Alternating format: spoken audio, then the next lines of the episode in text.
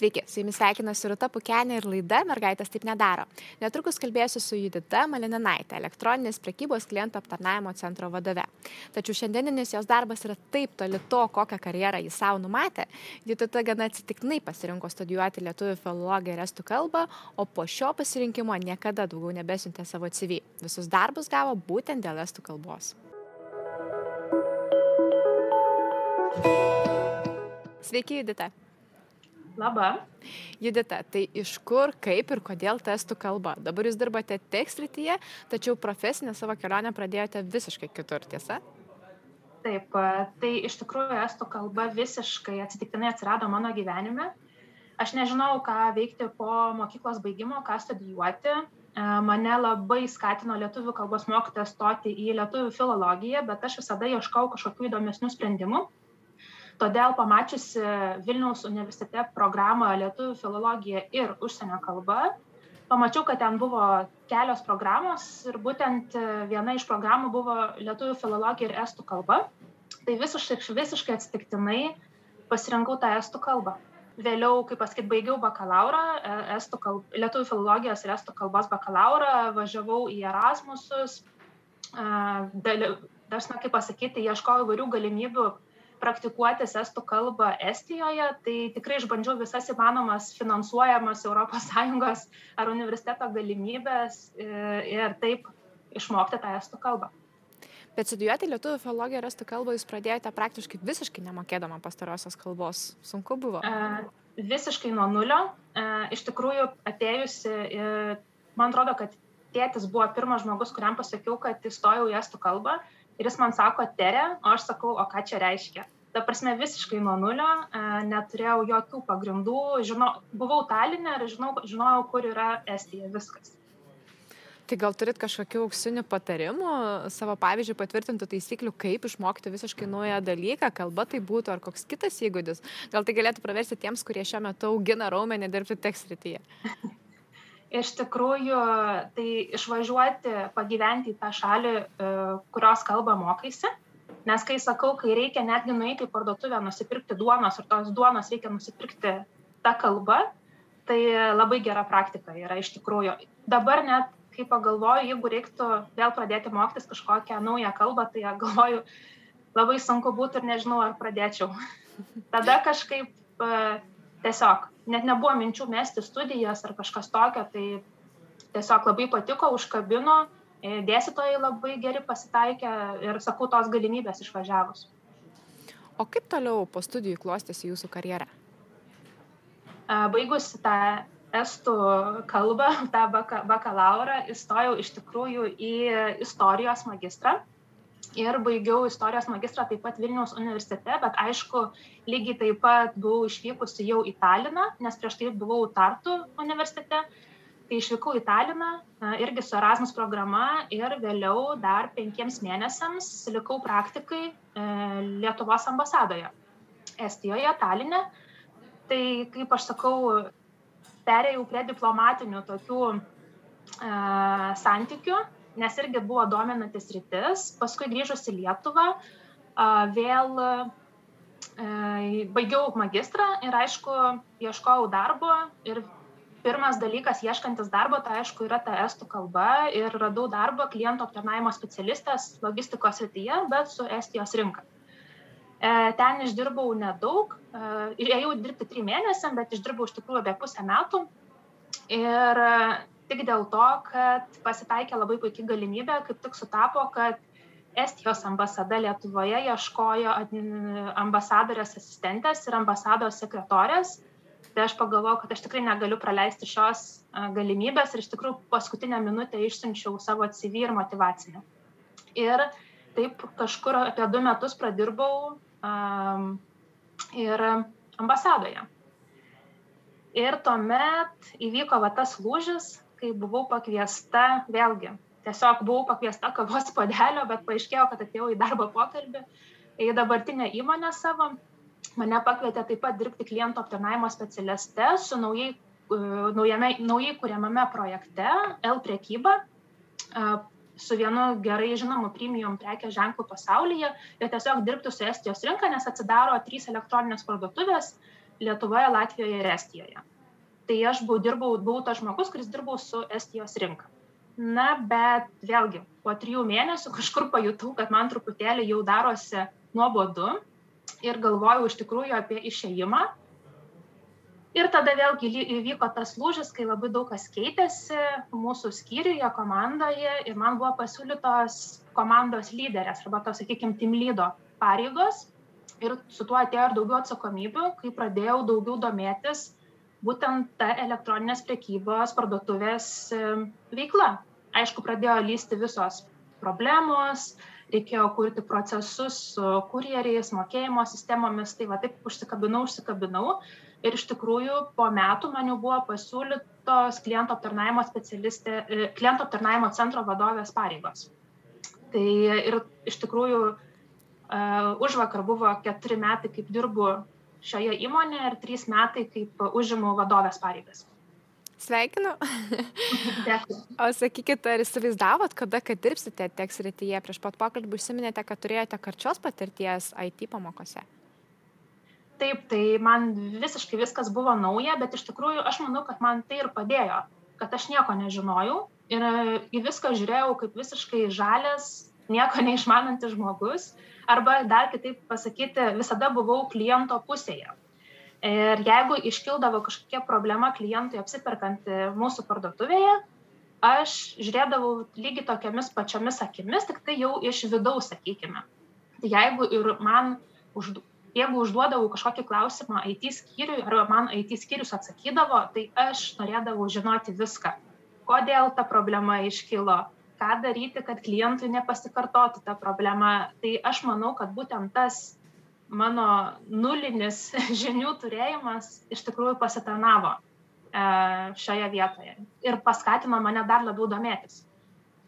O kaip atrodo jūsų kasdienybė šiandien? Ką daro elektroninis prekybos klientų aptarnavimo centro vadovė? Kokios yra pagrindinės jūsų atsakomybės? Tai aišku, pagrindinės atsakomybės tai yra darbas su komanda, e, kurie dirba tiesiogiai su klientais telefonu arba elektroniniu paštu arba per socialinius tinklus atsako į užklausas. Tai aišku, reikia sužiūrėti, kad viskas, turim išsikėlę savo rezultatus, per kiek turime atsakyti, duoti atsakymą klientui, kaip turime išspręsti problemas ir tam tikrus klausimus. Tai, tai yra visų pirma, kaip aš sakau, darbas su komanda, vėliau paskirstimas darbų ir aišku, tada jau visi kiti darbai, aišku, pasižiūrėti ar pristatyti klient, klientams užsakymai, kad būt, nes irgi turime išsikėlę, kad e, pristatymo terminus ir negalime ten leisti, kad būtų ilgiau ar trumpiau, e, dažnai negalime ilgesnio ten termino leisti, nes norim, kad greičiau klientai gautų tą savo užsakymą. Tai vėlgi tokie sužiūrėjimai, vėl darbų paskirstimas, bet iš tikrųjų, e, kas patinka šitame darbe, tai kad realiai 8 ryto prisijungęs, tu niekada nežinai, kokia bus tavo darbo diena nes gali būti labai ramu ir viskas labai gražiai eina, būna, kad tiesiog 11 val. jau, jau nebenori dirbti, nes tiesiog nebežinai nuo kurios vietos pradėti, nes ir kurjeriai nevažiuoja, ir mokėjimo sistemos stringa, ir dar klientams e, prekės nekokybiškos važiuoja, tai žodžiu, atrodo, nors persiplėšk ir visiems reikia atsakymų dabar ir čia. Tai man iš tikrųjų galbūt a, e, kažkaip keistai gal nuskambės, bet va šita vieta iš tikrųjų yra ta vieta, kuri ir patinka. Bet jūs visiškai nemėtėte restų kalbos, tiesa? A, ne. E, dirbau dar su estų klientais iki praeitų metų spalio mėnesio, e, nes iš tikrųjų, e, kas yra ir gerai, ir blogai, tai estų kalbos specialistų Lietuvoje yra tikrai labai mažai ir jeigu kažkas kažko ieško, tai tiesiog tu jau žinai tuos žmonės, kurie dirba su estų kalba ir juos persivilioti, persikalbėti, dirbti pas tave yra labai jau sunku, bet radome žmogų pernai metais Estijoje. Tai aš jau kaip ir tiesiogiai nebedirbu su Estijos klientais, bet turiu savo tą tokią užklasinę veiklą, tai jau, man atrodo, taip jau septyneri metai, kaip e, dirbu laisvai samdoma vertėja iš estų kalbos.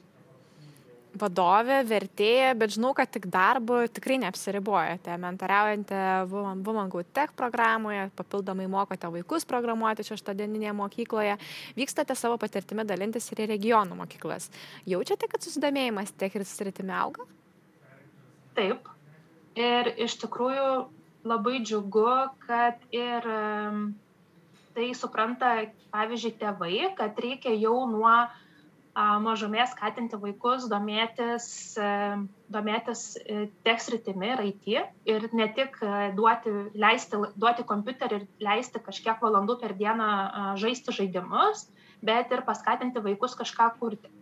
Tai iš tik ir kitas dalykas, kai važiuoju į mokyklas, tai irgi aš esu toksai pavyzdys, kuris tiesiogiai su tuo IT, sakykime, to įsivaizduojamo stereotipinio IT darbo nedirba, taip, neprogramuoju, nekoduoju, nekuriu ten svetainių ar dar kažko, bet aš esu tas žmogus, kuris labai daug prisiliečia prie to IT, sakykime, bet tuo pačiu ir parodau, kad galima būti baigus nebūtinai IT sferą arba net ne technologijas ir paskui persikvalifikuoti tai būna sulaukiu tikrai klausimų, tai kaip čia man dabar ką reikia daryti, kad irgi, tarkim, dirbu paprastą kažkokį vadybininkės darbą, kas yra tikrai nesusiję su IT sritimi, tačiau ką man daryti, e, kad bent kažkiek e, sužinočiau arba išmokčiau e, kaž, iš kažkokią dalį kažkurios ryties, sakykime, taip.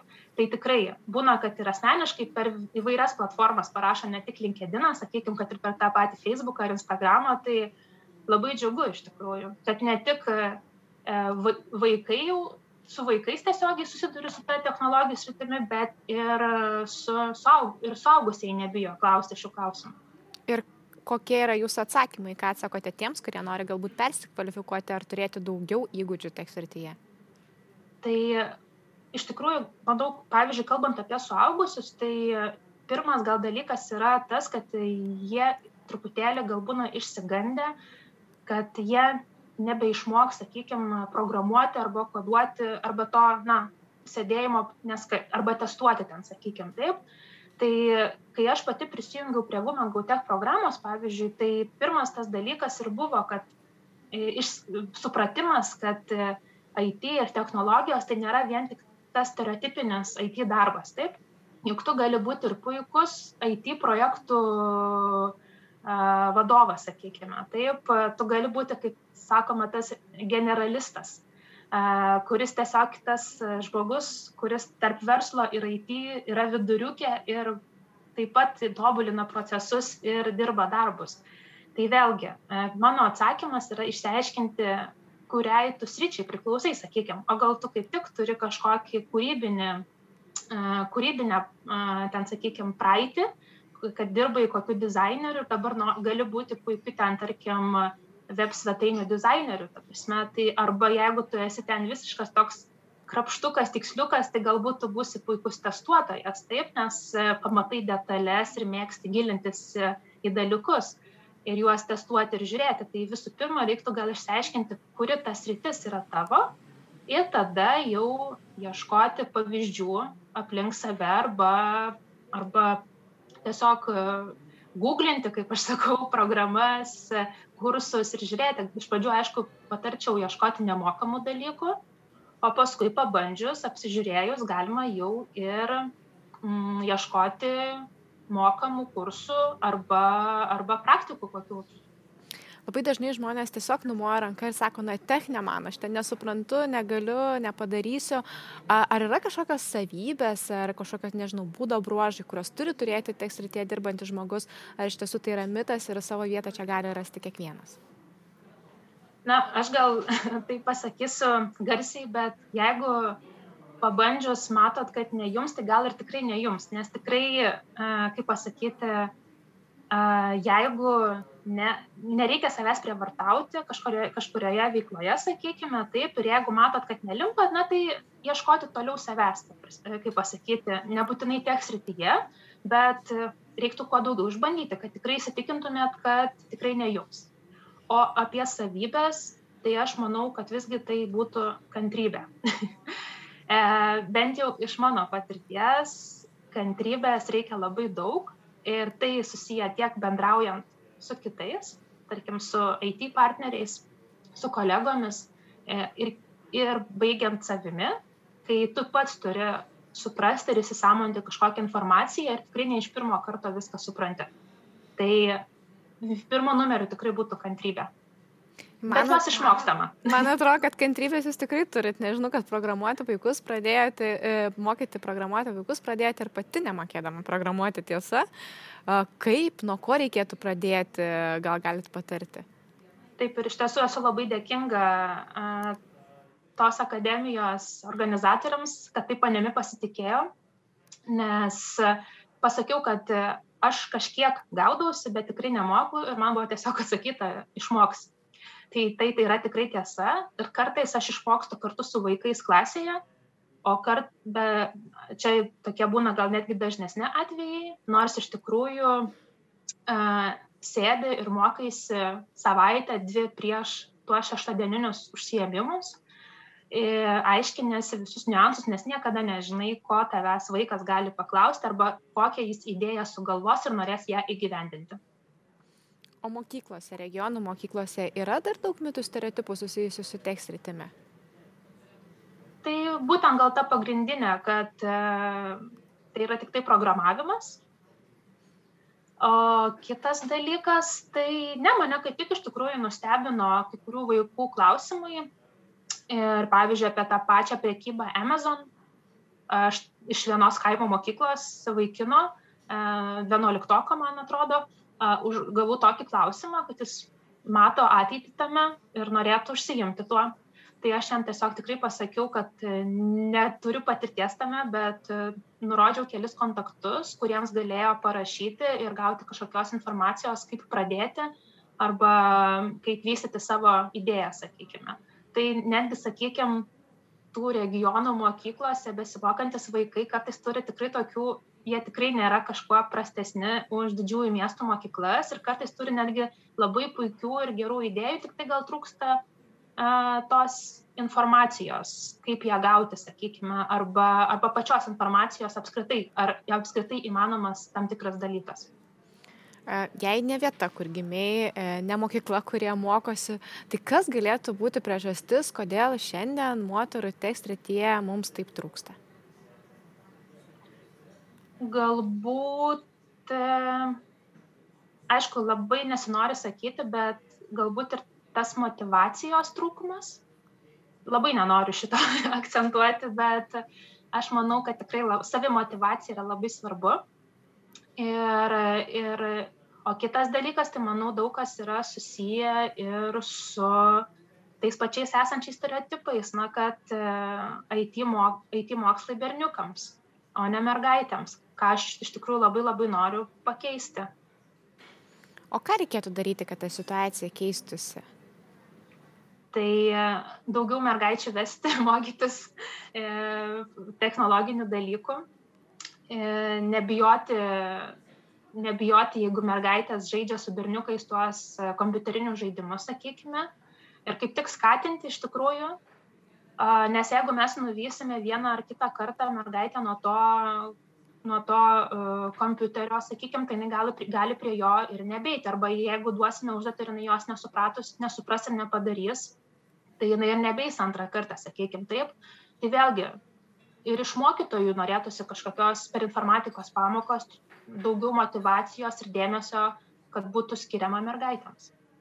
Man atrodo, kad mergaitės labai bijo klysti ir neretai stokoja pasitikėjimo savimi. Ar pastebit šias problemas, kaip galėtumėm padėti mergaitėm kovoti su jomis? Nes man atrodo, kad teks rytis yra ta, kur nu, tu turi klysti, atsistoti, nusivalyti tas, nežinau, ašaras ar prakitą ir eiti tolyn. Taip, iš tikrųjų, uh, turiu iš tikrųjų tokį pavyzdį iš savo šeštadieninių užsiemimų. Uh, žinau, kad ta mergaitė šiuo metu jau yra uh, trečia kursė, sakykime, toje akademijoje ir jau mokosi programuoti su JavaScript, e, bet ji pradėjo būtent nuo to, kad jai reikėjo perspalvinti žai, kuriamo žaidimo veikėjo aprangą, nes jai nesiderino spalvos. Aišku, jeigu man būtų tikrai labai svarbus dalykas, kad ta mergaitė atliktų užduotį ir viskas, tai aš būčiau sakius išjungtą spalvinimą ir daryk užduotį. Bet aš su ją pasikalbėjau, kad jai, na, nedėra tas to salotinės kelnes su tam maikute, sakykime, taip. Tai, bet tada vėlgi tu turi pajausti tą dalyką, kad reiškia tam vaikui, tas vaikas atkreipia dėmesį tokius dalykus ir tada reiktų jau skatinti e, galbūt tas vaikas, ta mergaitė, pradėjusi nuo va tokio dalyko, kad jinai negali pabaigti kurti savo užduoties, nes jai nesiderina spalvos, galbūt ji išauks puikia, a, nežinau, dizainerė tekstrityje, taip, ta pati UX ar UI dizainerė, taip, nes tarsi jai tiesiog negražiai atrodo ir jinai turi tai pakeisti, kad atliktų užduotį. Tai vėlgi aš manau kad labai labai svarbu yra pastebėti tas ir kitas stipriąsias puses ir taip pamotyvuoti ir, ir kaip pasakyti, paskatinti per aplinkui, sakykime, taip, nes nu, ta mergaitė tą užduotį atliko, bet jai svarbiau buvo suderinti spalvas. Tai turėti mentorių šioje srityje arba vedlį, kuris galėtų vesti tave pirmien, turbūt labai svarbu. Labai svarbu, nes atrodo, žinai kartais, ką darai, bet e, kartais labai labai reikia išsikalbėti arba kad pastumėtų, arba bent jau, kad pasakytų, žinai, gerai, gerų kelių eini, gerai darai, taip ir toliau ir nesustok, nes kartais e, pats, kai dirbi tame, tai atrodo, kad nieko nedarai, nors viskas atrodo juda ir eina, bet pats atrodo, kad stovi vietoje. Tai turėti mentorių yra rekomenduojama iš tikrųjų. O šiandien mes daug kalbame ir apie stereotipus, mergaitės taip nedaro, ar tai nebobų reikalas, tenka išgirsti tokias frazes vis dar. Ar jūs savo darbe, kasdienybėje, supančioje aplinkoje susidurite su iššūkiais dėl to, kad esate moteris ir dirbate tekstrityje, užimate vadovaujamas pareigas? E, iš tikrųjų esu labai laiminga, kad nesu patyrusi jokių tokių dalykų, apie kuriuos kartais girdžiu iš e, kitų moterų kolegių. Mhm aišku jeigu labai norėčiau galbūt kažką ir galėčiau išskirti sakykime taip bet gal vienas iš didesnių tokių dalykų kas labai krenta į akis tai tų emocijų m, prikaišimas moteriams e, aš kaip tik manau kad e, nes kad emocijos yra gerai aišku jas reikia mokėti reikia su jomis mokėti gyventi su jomis dirbti jas reikia valdyti ir taip toliau bet tikrai ne jų slėpti. Tai gal vienas toks iš didesnių dalykų, ką esu pastebėjusi, tai yra tas, kad e, moteriams yra tos, kad e, nerodyti emocijų, sakykime, taip, nes, na, mes esame emocingos, e, gal ten neapsiverkime kažkur, ten kažką, bet tarkim, jeigu jautriau arba pikčiau kažkur reaguojame, tai yra ta tokia replika, kad nereikia čia emocijų, taip. Bet tai tiesiog gali būti labai natūralus kažkoks nežinau, sureagavimas į tam tikrą situaciją, bet tai nereiškia, kad tu prašiau ją išspręsti arba atliksi darbą kažkokį. Ir turbūt kiekvienas žmogus su savo asmeninėmis savybėmis tik praturtina komandą siekiančią bendro tikslo versle. Tikrai taip. Tikrai taip. Tai ačiū labai Jums, Judita, kad e, šiandien buvote mūsų įkvėpimu ir pasidalinote savo asmeninę patirtimį. Labai tikiu, kad na, Jūsų patarimai tikrai ras kelią į kiekvieną širdį. Ačiū labai, kad pakvietėt.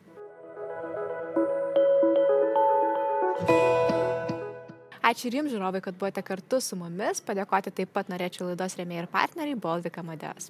Iki kitų susitikimų.